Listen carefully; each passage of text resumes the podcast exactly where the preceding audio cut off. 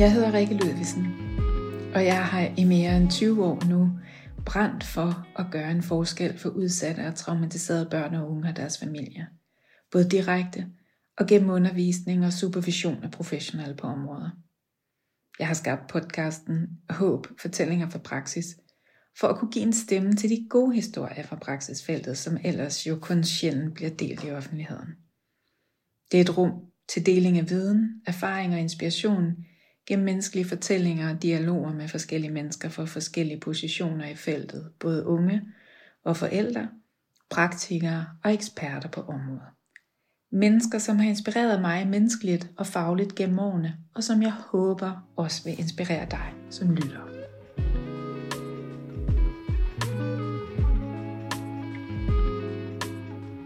Velkommen til podcasten På Fortællinger fra praksis, hvor vi i dag fortsat skal fordybe os i temaet omkring rusmidler.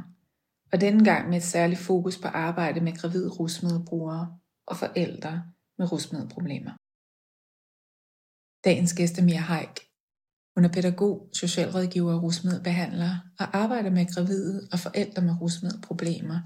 Og så bidrager hun også med sin store viden og mange års erfaring i alle mulige forskellige sammenhænge, som for eksempel undervisningen. hun laver oplæg og indgår i offentlige debatter og arbejdsgrupper, og som hun formand for Dansk Socialrådgiverforeningens faggruppe Stof.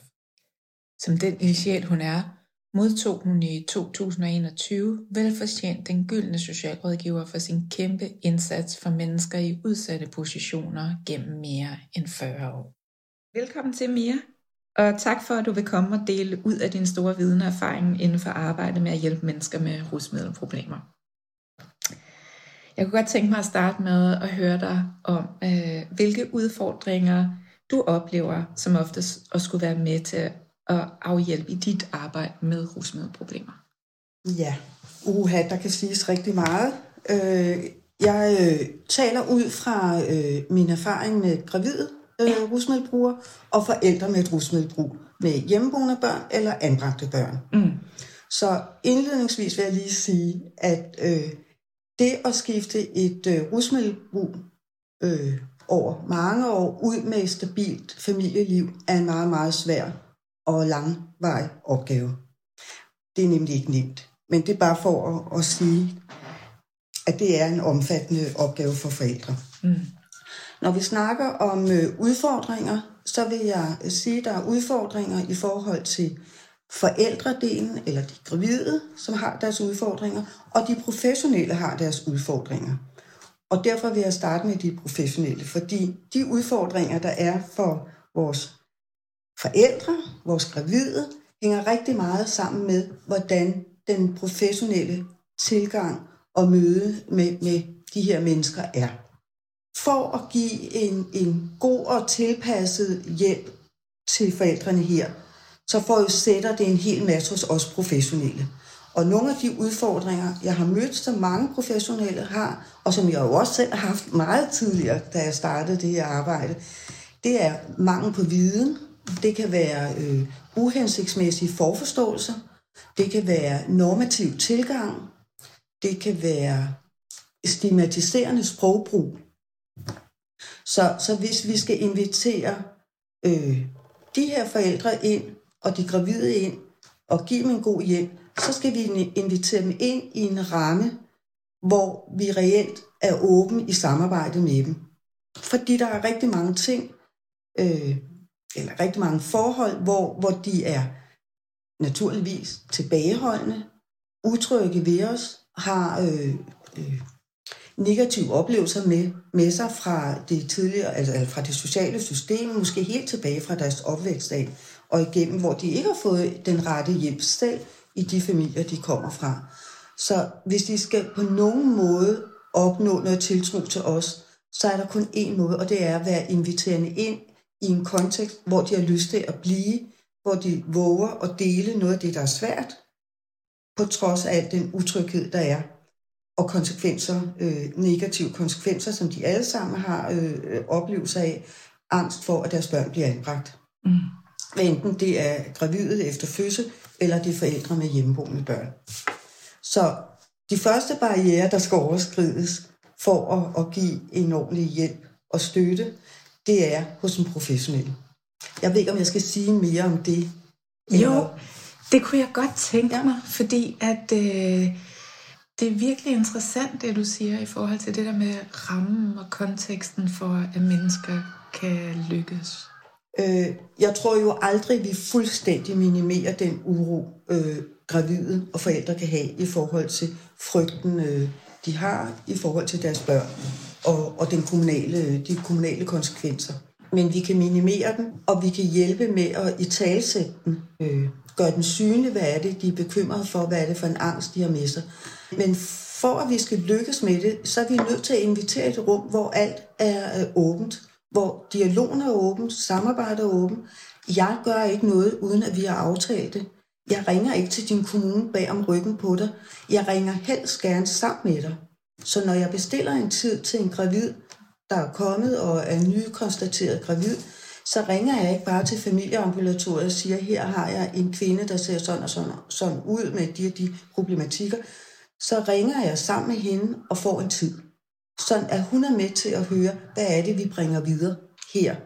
Rigtig mange af de her kvinder, og, og det ved jeg, fordi vi engang øh, for mange år tilbage lavede et projekt, et øh, tværfagligt projekt i hele Københavns område, med alle mulige fagpersoner og forskere, alle der arbejdede med, med de gravide, var ud fra den frygt, de gravide havde ved at gå i familieambulatoriet. De synes, de blev stemplet, de havde oplevelser, og de kunne være rigtige eller forkert. Der er meget på nettet, der er meget, der går fra mund til mund. Så, så rygtet hed, at når man kom i familieambulatoriet dengang, så var det lige med, at ens børn blev anbragt efter fødsel. Så det var rigtig vigtigt for os at få åbnet helt op i det samarbejde, så det blev i, også i den tværfaglige enhed fuldstændig åben. Der var ikke nogen møder uden kvinderne. Mm. Så det at ringe op sammen med dem, forberede møder sammen med dem. Nu skal vi i familieambulatoriet, der er et tværfagligt møde. Øh, hvad er vigtigt for dig at få bragt med? Hvad er vigtigt, at jeg hjælper dig med? Nogle er rigtig gode til at formidle sig selv, andre har sværere ved det. Andre bliver mere sådan utrygge i en stor øh, sammenhæng. Så hvordan kan jeg gå ind og hjælpe dig? Eller hvis der opstår noget, hvad er det så for nogle tegn, vi har sammen til, at her træder jeg ind og bidrager øh, med noget, sådan at, at du kommer videre. Øh, så en god forberedelse til, til alle møder, der er åbne, hvor de også er viden om, hvad siger jeg? Hvad er min vurdering? Øh, vi kan sagtens samarbejde åben og få kvindens eller forældrens perspektiv fuldstændigt med. Det er ikke det samme som, at jeg giver køb på min vurdering, min faglige vurdering, men den skal bare være tydelig, og det skal ikke være sådan, at de borgere, jeg arbejder med, oplever mig at sige noget nyt på et møde, som de aldrig har hørt før. Sådan at det bliver som et bagholdsangreb eller noget. Så, så det er, skal være transparent og tydeligt i alt, hvad du har af mødevirksomhed, men også i alt, hvad du skriver. Og der kan godt være, at der er nogle ord, øh, som jeg har skrevet, hvor øh, mine forældre eller den gravide siger, mm, det kan jeg ikke rigtig lide, og jeg synes ikke helt, og det lyder ikke øh, helt pænt, eller sådan et eller andet. Øh, hvor, vi så, hvor jeg siger, så retter vi det. Hvad, hvad synes du så, der skal stå, som udtrykker det samme? Så finder vi ud af, hvad er det, det skal udtrykke, og hvad ord kan jeg så bruge? Der går ikke noget af mig for at, at ændre ord det skal være sådan, at de kan genkende sig selv i enhver skrivelse, der kommer. Der skal ikke være noget, der er fremmed for dem. Og, og det må også godt være genkendeligt noget af det, der er, selvfølgelig er svært for dem. Det, de arbejder med. Det er jo ikke sådan noget, er det bare sådan noget rosenryg noget. Det, ah, det, det skal være savligt og fagligt og ordentligt sammen med dem. Min vurdering vil altid være der. Jeg bruger meget sjældent ordet vurdering, men jeg skriver sammenfatning. Mm. Fordi en vurdering er også fra mig. Det er jo et lille bidrag, hvor jeg kommer og lægger ind til kommunen. Øh, det er jo et øjebliksbillede. Det er jo en, et, inden for en given periode, og tingene er jo ikke statiske, så lige nu ser det sammenfattende sådan ud, men om en måned eller to kan det se anderledes ud igen. For mig er det vigtigt, at de professionelle bringer videre, at det tager tid at skabe forandring, og at mange af de her øh, forældre, både forældre og gravide, møder med mange udfordringer. De skal gøre mange valg undervejs. Øh, det er sådan til lige meget, om de er gravide eller ej. Man kan sige, at i forhold til de gravide, skal det ske i lidt hurtigere tempo, fordi hver dag tæller for fosteret. Men omvendt, så kan man heller ikke udskifte et barns barndom. Så der tæller dagene jo også. Men, men vi skal arbejde hurtigt, roligt hvis man kan sige det på den måde. Det kan man sagtens. Ja. Det giver så meget mening. Ja. Og øh, i forhold til de gravide, er der selvfølgelig sådan noget større pres på. Det er klart, mm. fordi det er her og nu, og alt efter hvilken situation de står i, skal der faktisk handles øh, og tages hånd om dem med det samme, de træder ind ad døren. Det er ikke altid sådan, at vilkårene er sådan ude i kommunerne. Nej. Det var det i familievinklen, fordi det ved vi er vigtigt, at vi tager telefonen med det samme og får lavet en tid ude i familieambulatoriet, så de kan få en rådgivning omkring graviditet og rusmidler. Så de ved, hvad de er op imod. Og så kan vi tage den sociale udredning på, hvad er det så, du står med, altså økonomi, bolig, partner, netværk, øh, hvad er stofdelen, altså i forhold til at sætte den behandlingsmæssige del ind, i forhold til at stabilisere, hvor langt har det været, og hvor langt går det bagud, og øh, ja, sådan, hvor svært er det. Det lyder til, Mia, at der er en virkelig høj grad af inddragelse i alt, hvad du gør.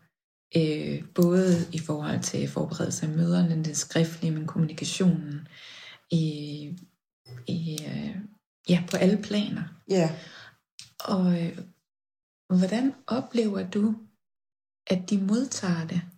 Øh, de mennesker, du arbejder med? det er jo ikke sådan, at de sidder og siger, I, er det fedt, eller sådan på Nej. den led. Øh, fordi vi har jo også mange, der er kommet ind ad døren øh, med armen reddet op for kommunen, og, og så er det jo ligesom også at, at, at få talt om, ja, det, det er en hård situation, du står i. Det kan være børn, der er, er, er, er hjemme og på kant til at blive øh, øh, anbragt uden for hjemmet. Så det, og, og de gravide også. Nej, men jeg kan godt klare det her selv, og mit forbrug er ikke så stort osv.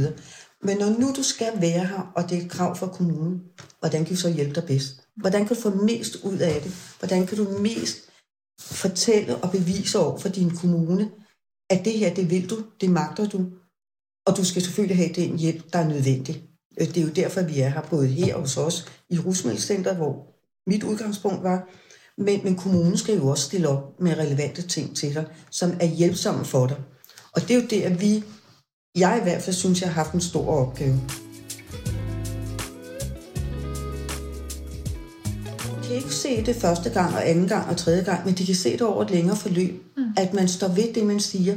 At man holder det, man siger. At, man, at jeg er troværdig i, i min udstavn, At jeg ikke kontakter kommunen bag om ryggen på dem, uden at vi er sammen om det. At jeg ikke sender ting ud af huset, uden at de har set det og været med på det, og underskrevet, at de har set det eller kommenteret, hvis de er uenige i noget af det.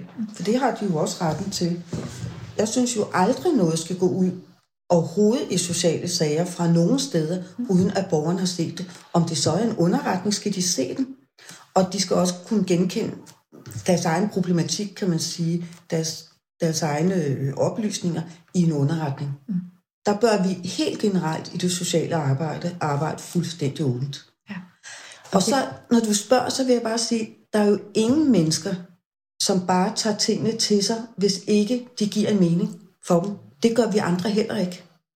Du kan sidde til mig i en eller anden situation og sige 17 gode råd, og det lyder alt sammen fint, men jeg går jo ud af døren.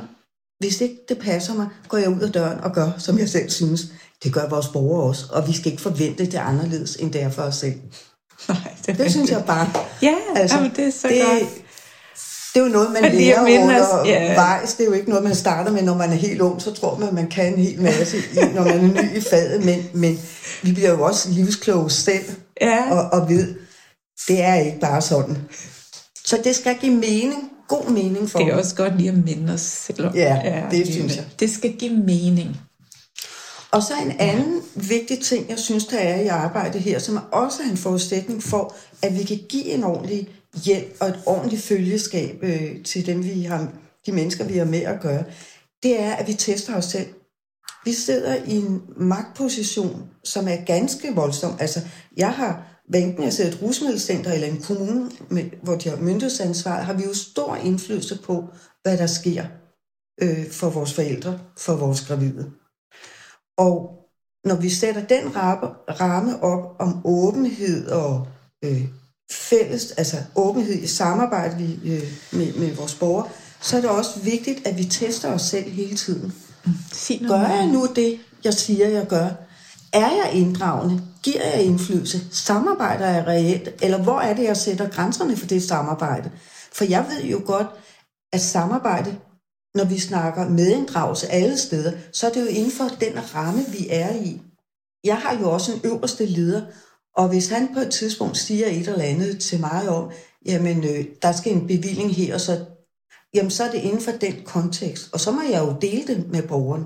Så, så når jeg siger, at jeg medinddrager og giver indflydelse, og det, så må jeg hele tiden teste på, og mit sprogbrug, jamen, gør jeg så det, jeg siger, jeg gør?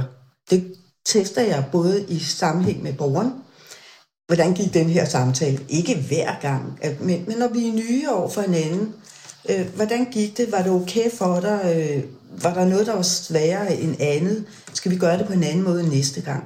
Det er altså også at sætte en tydelig ramme. Jeg så så meget tid. Vi skal tale om det her i dag. Hvis vi afviger, så har vi ikke tid til at tale om det i dag. Jeg vil gerne, så tager vi det her, som er mest påtrængende for dig i dag, så laver vi en ny aftale om det. Der er rigtig mange af sådan nogle små ting, der gør, at man føler sig velkommen.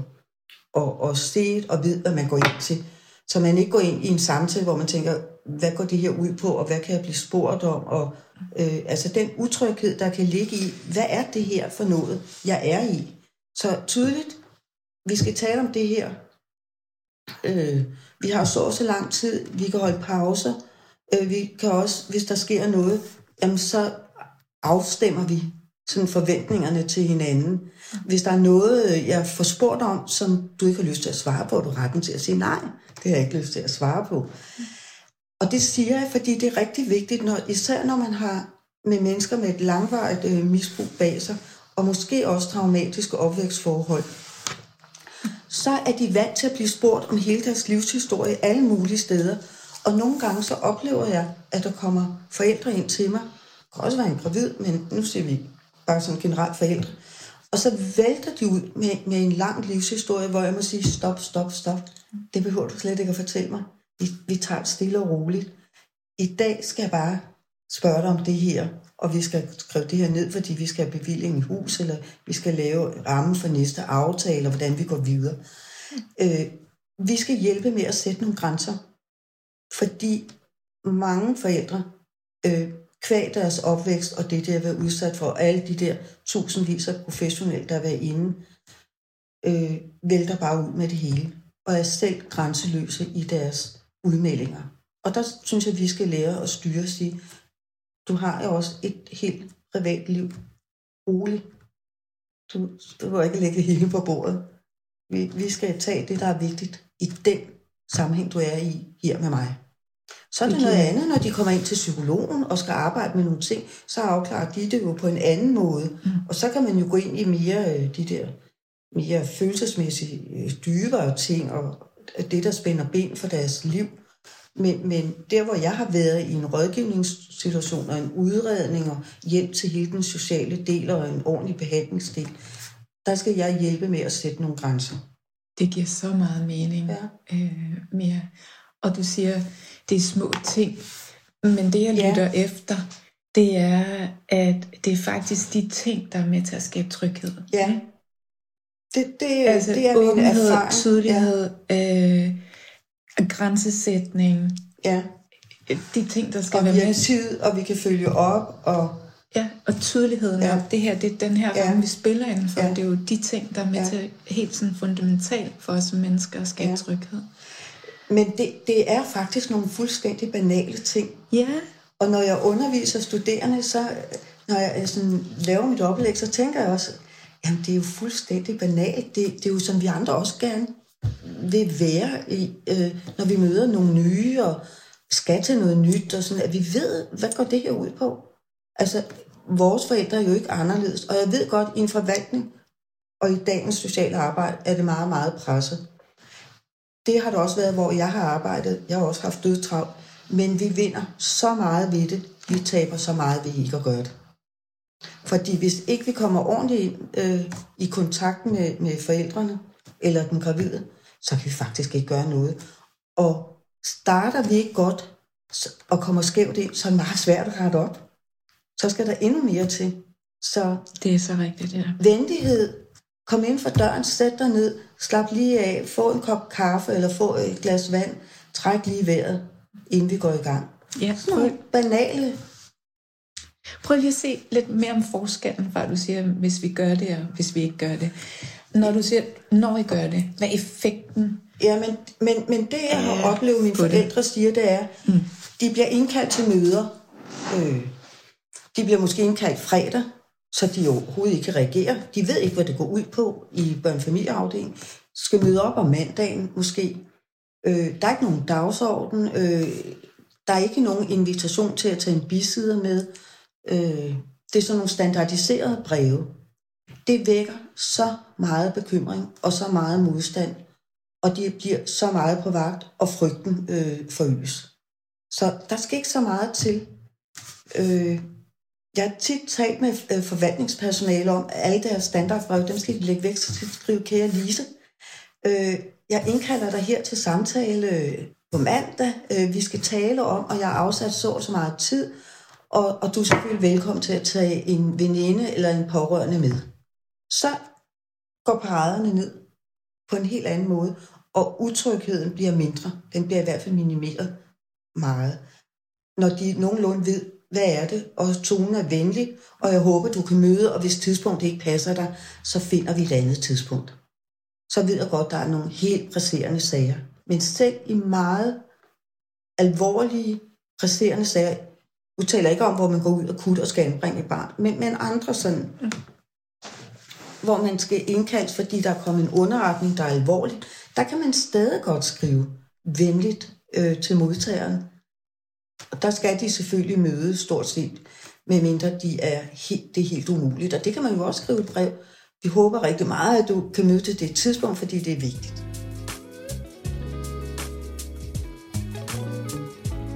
Børn vækker meget, øh, mange følelser.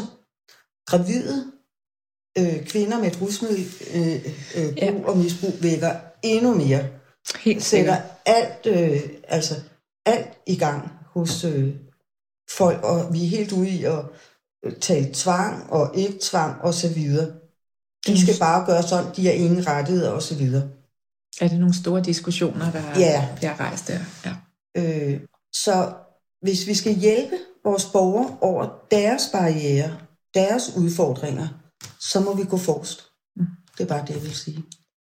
Jeg havde en øh, gravid ung kvinde.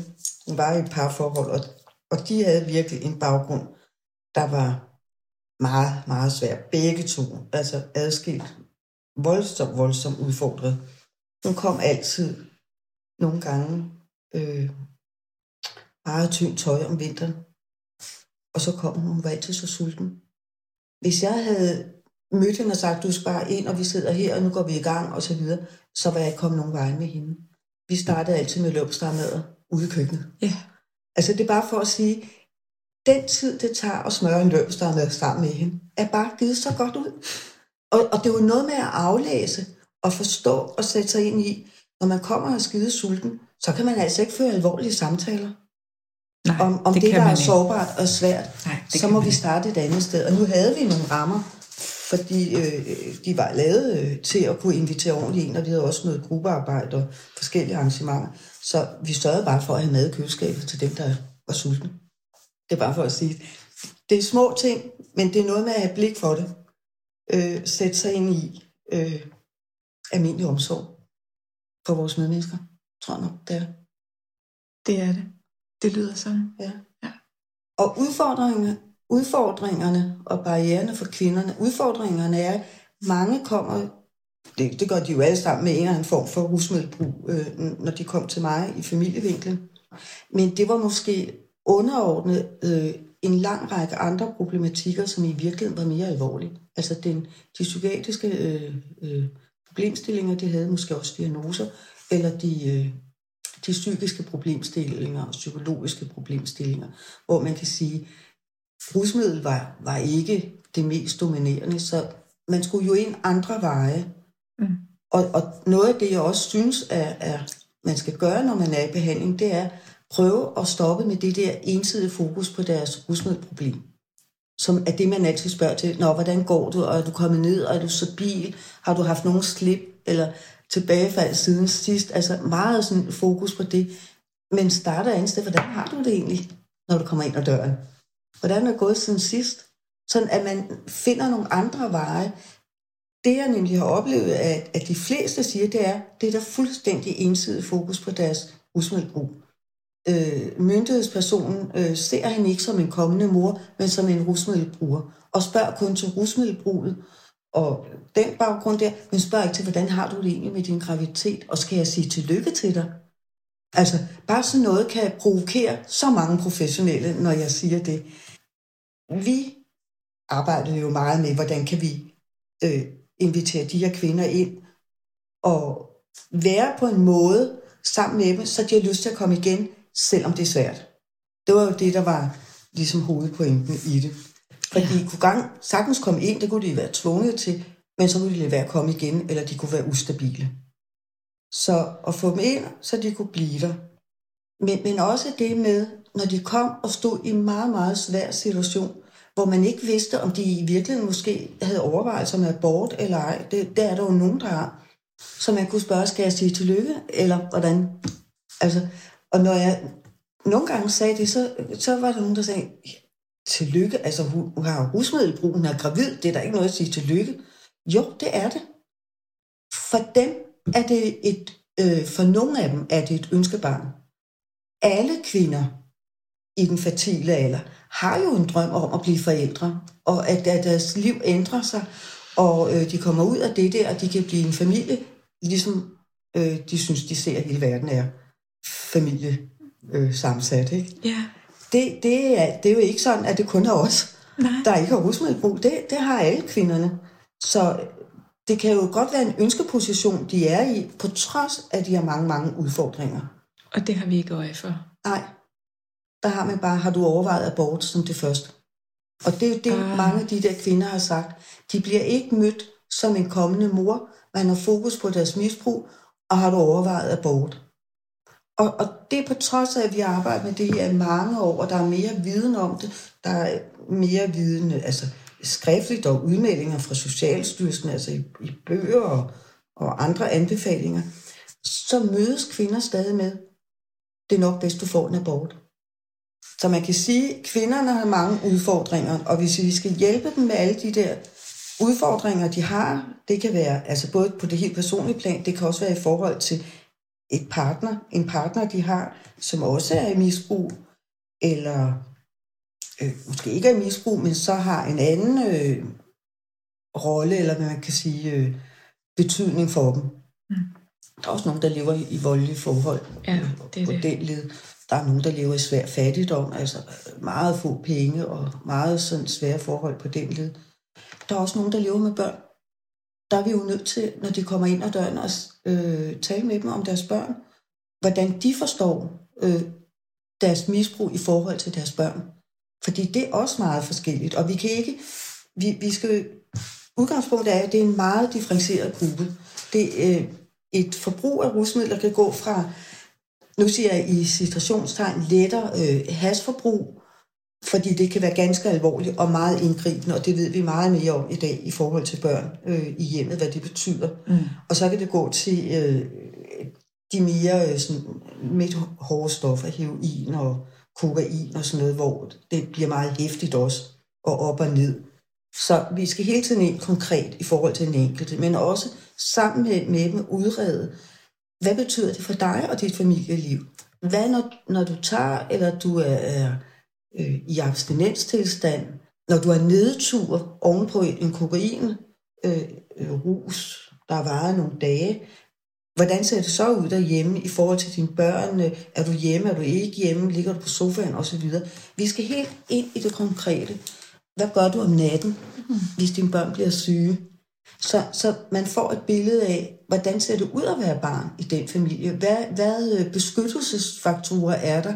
Er der nogen, mor ringer til, hvis, hvis det går hæftigt til, om hun har et, et, et, altså et slip eller tilbagefald, hvad vi kalder det, i weekenden eller over ugen, er der en mormor og en farmor, der kan træde til.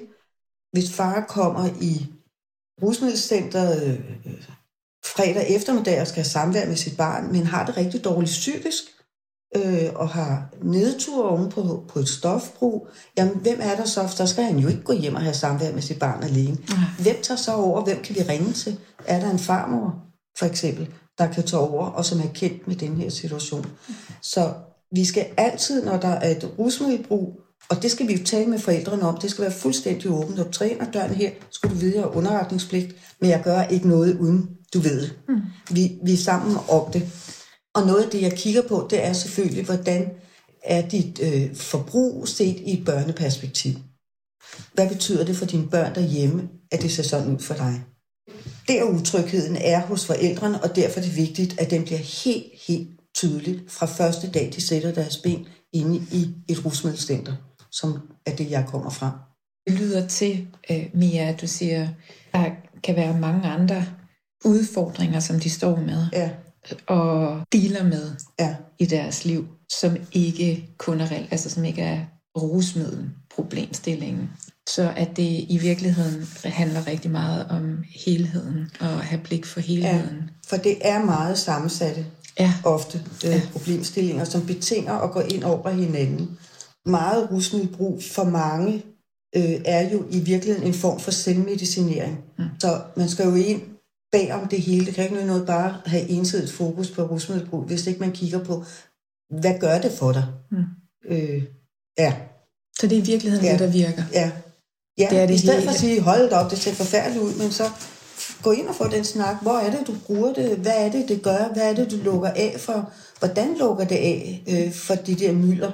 Jeg havde en mor, øh, som havde, både far og mor havde faktisk et massivt øh, rusmiddelbrug. Far havde det langt mere. Øh, mor var i arbejde, og han havde også arbejde.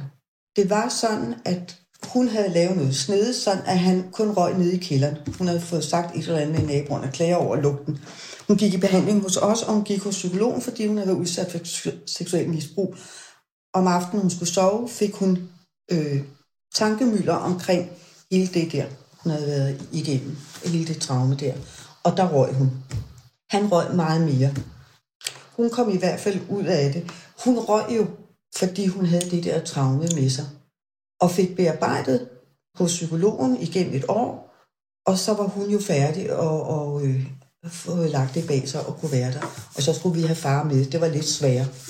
Så det var det med at arbejde med årsagen til... Ja, ja. Ikke have det der ensidige fokus på, jamen øh, det er ikke godt, du ryger så meget. Nej, det er ikke godt. Men der er jo tit noget, hvor, hvor de startede tidligere, fordi det giver dem ro. Det giver ro på tankemøller, det giver ro på en angst. Det kan give øh, ro på den, øh, som mange har, eller øh, har i hvert fald oplevet, en hel del har social øh, forbi, angst for at gå ud og så videre. Og der hjælper has har tit været et middel, der har hjulpet rigtig, rigtig mange. Det er bare ikke så godt, når du er gravid, og det er heller ikke så godt, når du har børn. Nej. Så man er nødt til at gå ind og, og snakke med, med dem om det. Jeg havde en mor. Manden han tog kokain, og hun, hun røg has. De røg has, og han tog også kokain. Han havde vi ikke kontakt med, kunne ikke få det. Hun gik, og hun stridede imod. Hun ventede tredje barn, og kom så til os, fordi hun jo måske alligevel gerne ville ud af det på det tidspunkt, fordi hun var gravid. Mm. Hun havde en femårig, et femårigt barn, som havde lært at aldrig sige noget om, at mor røg stærkt tobak derhjemme. Fordi så ville mor komme i fængsel, og så ville politiet komme. Okay. Og til start, så var hun sådan helt afvisende over for det. Men efter en, en længere periode i behandling og hos psykologerne, jamen så åbnede mor op for, ja, det er ikke godt for mit barn at gå med det der. Det skal hun ikke gå med.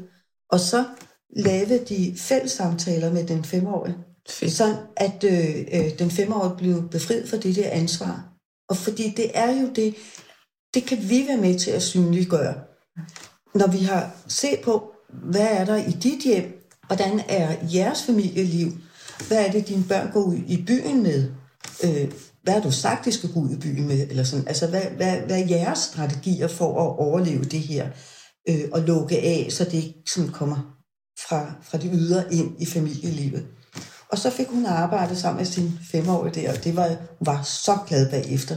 Fordi pludselig så blev hun fuldstændig øh, bevidst om, hvad det betød, at barnet bar på den der ansvar. Mm. Hvad det betød, at barnet skulle have legekammerater med hjem, hvor man skulle undgå nogle ting og passe på med at sige nogle ting, og hele den øh, vej igennem, man kan sige. Mm.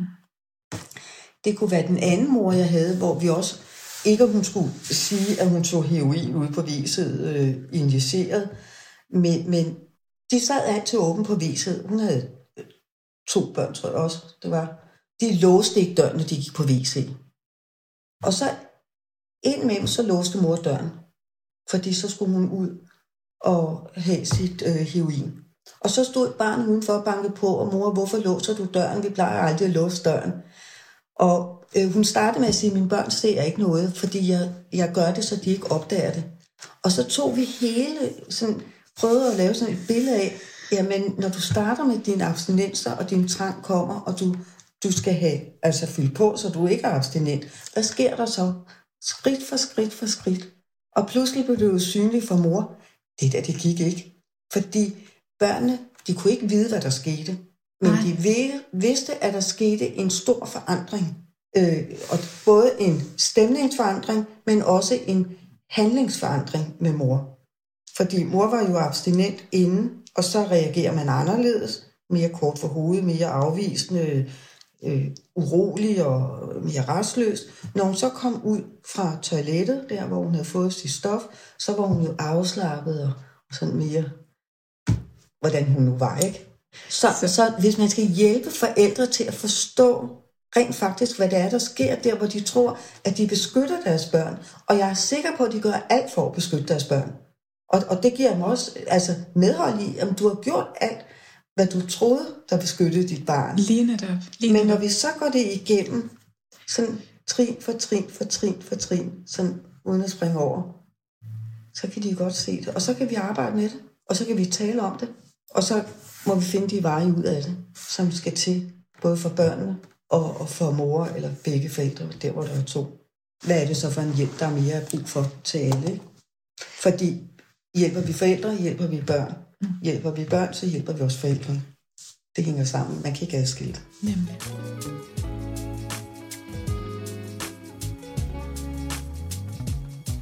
Jeg sidder og tænker på den første podcast, jeg lavede ja. med, øh, med Vinka og hendes datter. Ja.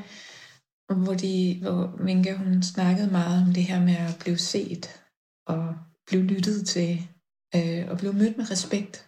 Hvilket stor forskel at ja. det gjorde for hende i forhold til at lykkes med at blive stoffri. Og når du fortæller sådan helt ned i detaljen her, så kan jeg høre, at det er også så meget af det, der er på spil der, at blive mødt med respekt, men også blive set og hørt som det individuelle menneske, man er, og hvordan det ser ud i den konkrete situation, som gør, at folk måske kan netop gå med ind i den proces, du beskriver mm. der, og, og, og gå med på forandringen ja. på en eller anden måde. Få de indsigter, der skal til for at forandre sig. Ja. Og indsigten er jo vigtig ja. til at tage nogle af de første valg. Ja. Om, kan jeg, vil, vil jeg forandre? Det vil de fleste jo. Men, men der er også nogen, der siger, jeg kan ikke lige nu. Ja. Og så er det det, man må tage udgangspunkt i. Jeg tænker jo aldrig det der, jeg tænker ikke mig selv, at nu går jeg ind for at møde mennesket med respekt. Men, men jeg tænker, jeg går ind øh, og møder dem i deres livsforløb og deres forhistorie. Fordi det er den, der skal bringe dem videre. Altså den skal jeg kunne forstå og, og sætte mig ind i, for også at sige, hvordan kommer vedkommende videre, eller hvordan har vedkommende mulighed for at komme videre? Hvad er det for en hjælp, vi sammen skal finde frem til? Og hvad er det for et følgeskab, jeg skal give, så længe de har lyst til, at jeg følger dem? Altså, det er jo i hvert fald en ting, jeg altid lover. Mm. Øh, det er, jeg følger dig lige så længe, du har lyst til, at jeg følger dig. Øh, så er der nogen, der kan sige, nu kan du godt stoppe, nu har jeg ikke brug for det mere. Der er også nogen, der siger, det skal du ikke. Og så er der nogen, jeg har fulgt i rigtig lang tid, og som jeg stadig har noget kontakt med. Men at jeg følger dem uanset, hvad der sker. Ja, det er virkelig smukt ord, ja. følgeskab. Ja. Øh, men, men det med at altså, øh, også være der, når, når det ser sortest ud, mm. og er mest forfærdeligt, og øh, jo også røre en selv. Fordi vi kan alle sammen, altså det har jeg også, jeg har arbejdet på en afdeling med de her nyfødte børn for mange år tilbage, og, og været oppe og set dem øh, præget af et, et svært rusmiddelliv i mors mave, altså under graviditeten. Og, og når man ser et lille barn ligge øh, med, med følger af, af et misbrug og selv være abstinent og skal i behandling og sådan noget, så bliver alle berørt, og det gør jeg også. Det, altså, det har du ret i. Ikke? Ja. Og, og, og det skal vi erkende, og det skal vi tale om, men det er jo ikke det samme som at dømme en, en mor ude med det samme, eller at der aldrig skal nogen forandring, eller ikke med forældre i det hele taget. Overhovedet Vi skal ikke øh, dømme, vi skal være, vi er meget hurtige til at dømme. Det er det. Vi er meget hurtige til at træffe nogle, nogle Og særligt, forestillinger om, om, hvordan det kan blive, og det bliver aldrig til noget, eller de kan aldrig forandre sig, eller sådan. Vi ved, sådan er det med misbrug.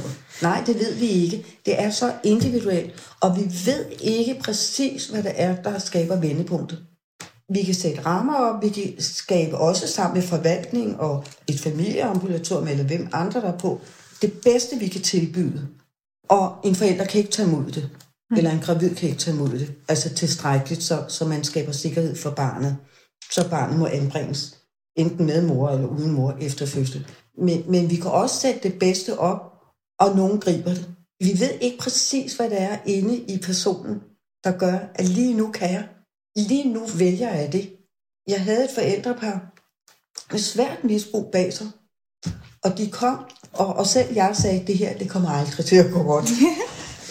På trods af, at jeg har oplevet så mange gange, det skal jeg ikke sige, men jeg tænkte, Nej, det- det her, det kommer ikke til at gå godt.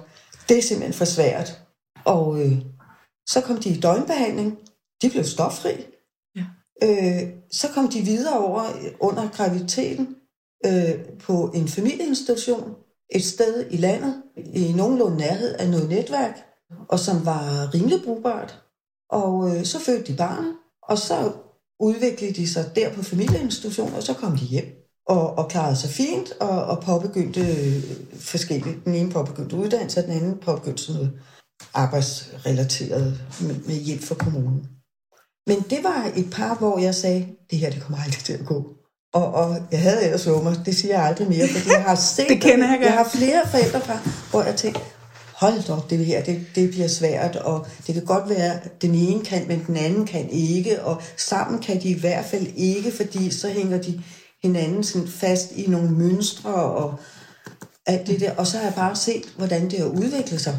Jeg havde en mor, Det er... som slet ikke ville have barn, medmindre hendes partner sagde, at han ville stå sådan for det, fordi hun sådan, med psykiske problemstillinger sagde, at hun aldrig skulle have børn, og hendes egen opvækst i betragtning også, skulle hun aldrig have børn. Svært omsorgsvigtet. Partneren gik fra hende under graviditeten, og øh, jeg fulgte hende, og blev ved med at sige, du kan godt, og, og det er rigtig stærkt. Og hun sagde, at det er kun i kraft af den hjælp, jeg har fået, at du har været der. Nej, det er i kraft af, at du simpelthen har arbejdet og ville det her. Og hun fik det lækreste barn, Ja. som jeg har fulgt et, de, tror jeg, de to første år, eller andet år, eller sådan noget. Virkelig, virkelig, virkelig skøn unge. Og nu læser hun på universitetet. ja. Altså, Og det vi kan er- aldrig sige noget. Det er virkelig det store spørgsmål. Hvad med vi til at vide, hvem der Ja. kan lykkes med det her, hvem Det kan vi ikke? Det er... Vi kan sørge for at sætte rammer op og tilbud, som de selv synes er hjælpsomme for dem. Vi kan sætte nogle rammer op, hvor vi våger os selv som professionelle og følger forældrestrategier, deres egen løsningsforslag, og så er vi jo i baghånden og kan gribe ind, hvis der, der sker noget i forhold til børn eller noget.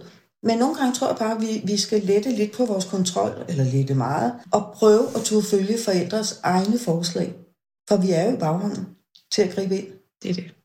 Ja, og nogle det, og gange, det er så skal man, ja, det er det der med at slippe Ja, kontrollen ja, ja, og, og ja. virkelig gå over Ja. på den banehalvdel, der hedder, Ja, ja. at de øh, mennesker, vi arbejder med, de bærer på løsningerne øh, selv. Og, Og det skal gør hjælpe. de jo. Ja. Det gør de jo. Apropos vendepunkter, Ja. altså, så skal vi til at slutte af nu. Ja. Ja, ja. Det er jo vildt spændende at, øh, at lytte til dig og, og høre om alle dine øh, eksempler fra praksis, men også alle dine perspektiver, al den viden og erfaring, du har øh, fået igennem gennem mange år i, i det her arbejde. Er der noget, som du sådan afslutningsvis sådan vil fremhæve, som noget af det, de vigtigste anbefalinger til os professionelle på området? Åh, jamen noget af det har jeg jo sådan set sagt. Jamen det er øh, ikke være tilbagelænet og ikke gøre noget, men alligevel være lidt mere ydmyg i mødet med, med vores gravide og vores forældre.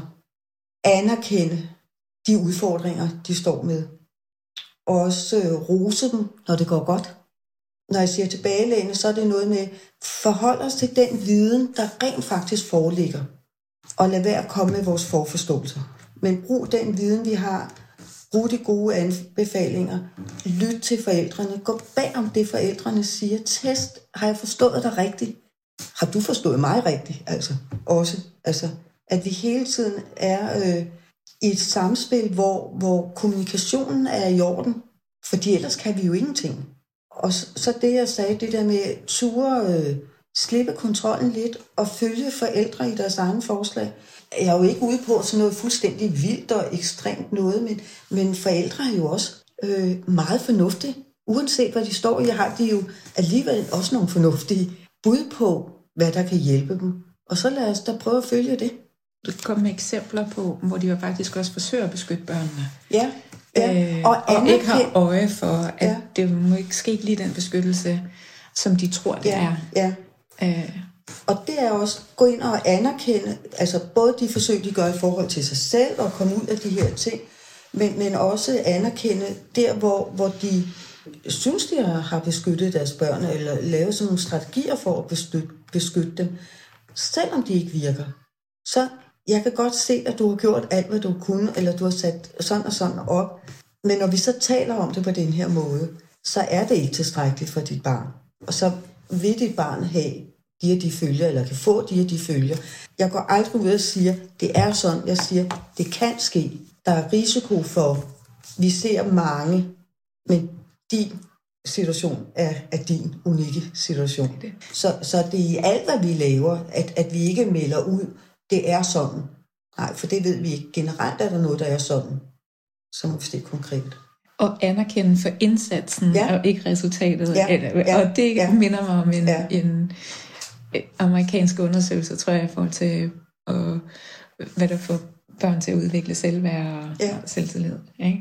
Det er anerkendelse for indsatsen, og Ja. ikke for resultatet. Ja, og det er præcis. det samme her. Ja. Ikke? Altså, Og vi ser mange forsøg på, hvor de har forsøgt at handle og, og forandre og sådan noget, og så lykkes de ikke hele vejen. Men, men så lykkes de måske næste gang, eller næste gang, eller næste gang. Og så er det klart, at vi er hele tiden øje for børnene. Altså, Selvfølgelig. det, ja. det er klart. Yes, det skal vi have. Det er jo ikke på bekostning af børnene, at det her skal ske. Men, men det er heller ikke sådan, at vi bare kan anbringe per automatik, ligesom vi kan underrette per automatik. Vi er nødt til konkret at gå ind og se. Ikke? Yes. Ej, tusind tak for, at du vil komme og være med i, øh, i den her podcast øh, og serien omkring rusmidler. Det har virkelig været berigende for mig at have dig her, øh, Mia, og det håber jeg også, at det har været for lytteren. Tak. Velbekomme. Til slut vil jeg sige tusind tak, fordi du lyttede med. Jeg håber, du fandt det rigtig inspirerende, og så vil jeg minde dig om, at der er håb for heling.